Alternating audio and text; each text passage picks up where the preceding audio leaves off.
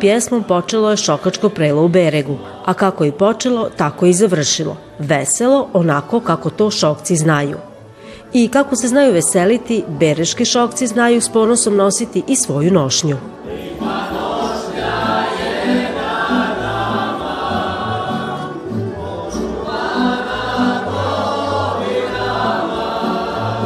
Ovo je svečana nošnja, svilena suknja, šarene grane, to je najsvečanija nošnja.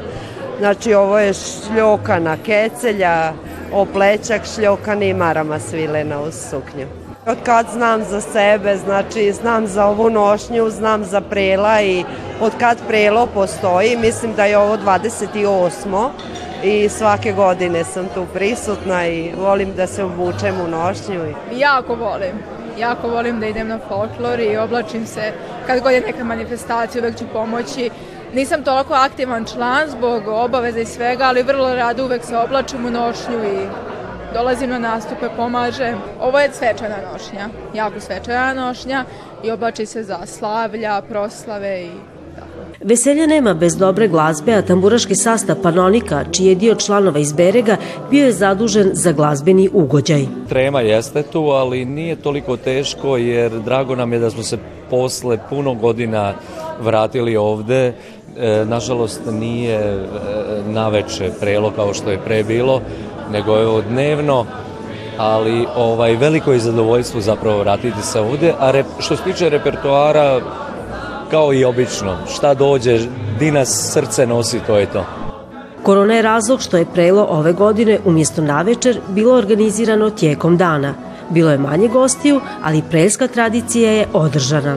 Imamo goste iz Vinkovaca, Vukovara, iz sviju mista od Berega, Novog Sada, Beograda, evo svakako se skupilo isto samo sve u manjem.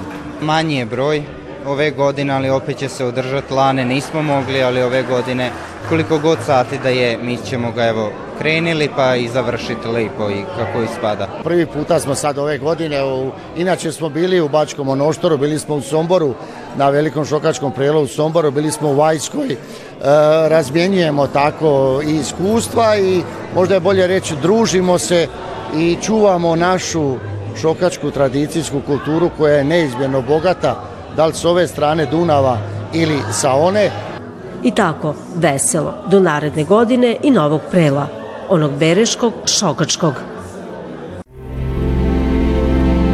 Gledate paletu. Izbor iz emisija na jezicima nacionalnih zajednica.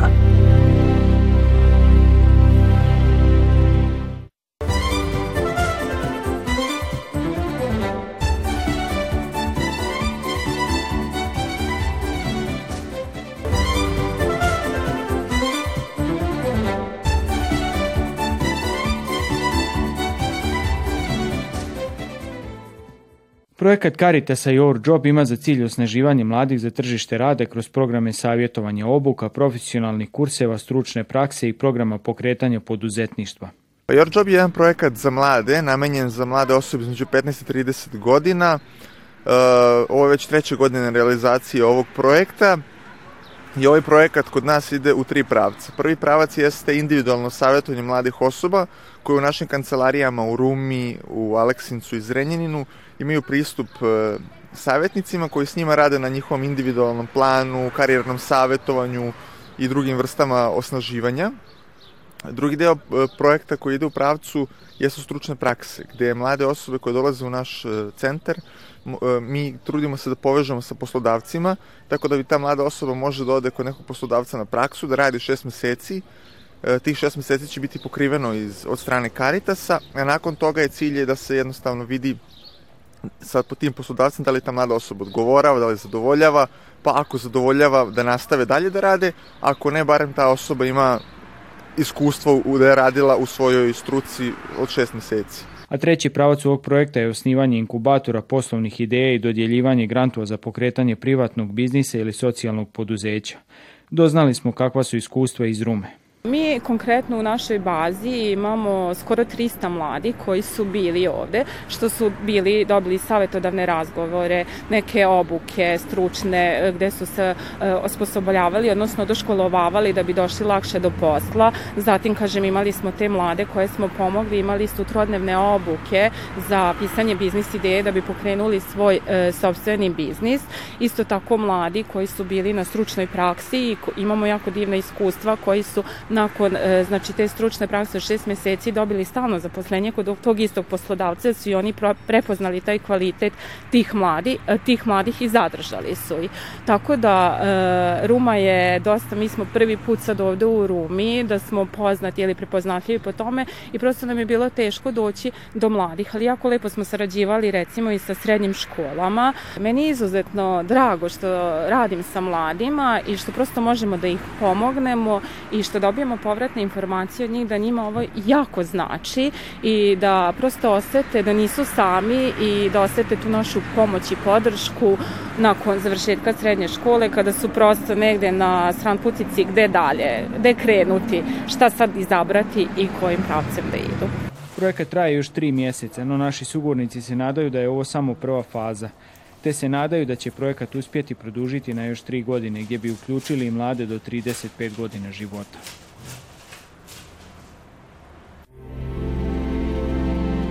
Gledate paletu.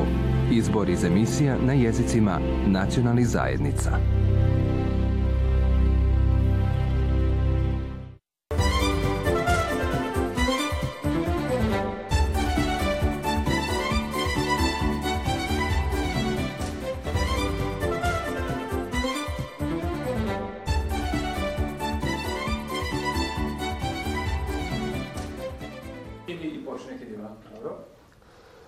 Evo ovako je počelo.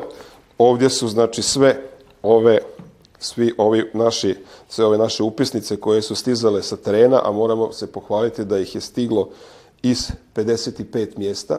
Govori nam upravitelj fondacije Crofond Lazar Cvin, otvarajući jedan od 11 registratora upisnica. U njima su podaci koje su tijekom tri mjeseca kampanje prikupili popisivači fonda posjetom i manjima poljoprivrednika i gospodarstvenika Hrvatske zajednice u Vojvodini. Upisnice su popunila 1002 poljoprivrednika. Mahom djelatnost koju smo isto tako imali u upitniku, oko 919 se bavi ratarstvom. Znači najveći broj se bavi ratarstvom, neki uzgred se još bave još nečim, znači najčešće je u pitanju neko isto još stočarstvo. Najveći dio je ono što je najvažnije, gdje ljudi očekuju ovaj najviše, najviše očekuju potpore u vidu obnavljanja mehanizacije. Upravitelj Krofonda kaže da je popis gospodarstvenika išao teže, napose u gradovima i da će zato kampanja biti nastavljena. Do sada uspjeli su se prikupiti podaci o 108 gospodarstvenika. Znači da su to uglavnom e, društva koja se bave e, uslužnom djelatnošću, znači 83% i proizvodnom 35 recimo posto. Ono što je ovaj važno i po nekim sektorima, znači u pitanju je najviše trgovina. Sugovornik ističe da se na temelju prikupljenih podataka već može zaključiti Hrvatska zajednica u pravom smislu riječi nije siromašna, on ima svoje ono na čak bi se se sredio, to su potencijali. I, I upasnosti da ti potencijali budu ugroženi. I ono što, su, što je problem najveći je da recimo ta, ta politike poticaja. Bojim se da mogu kroz godine stagnirati i gubiti taj svoj potencijal. To je ono na čego mi sad moramo usmjeriti svu pažnju da ih koliko god možemo podržimo. Lazar Cvin na kraju objašnjava što je cilj popisa poljoprivrednika i gospodarstvenika Hrvatske zajednice u Vojvodini, odnosno Srbiji. Ono na čega ćemo svakako paralelno raditi je ovaj e, pokušaj stvaranja tog prosperitetnog fonda, jer to je osnova svega. A ono drugo, znači to će strategija odgovoriti koji vid povezivanja, na koji način će, znači i kroz analizu svih ovih upitnika detaljniju, znači vidjeti na koji način bi se mogli stvoriti, znači ti prstenovi suradnje. Popis gospodarstvenika i poljoprivrednih gospodarstava Hrvatske zajednice u Srbiji radi se u koordinaciji s Hrvatskim nacionalnim vijećem koje je osnivač Krofonda uz konzultacije s Hrvatskim ministarstvom poljoprivrede, Vukovarsko-Srijemskom i Osječko-Baranjskom županijom.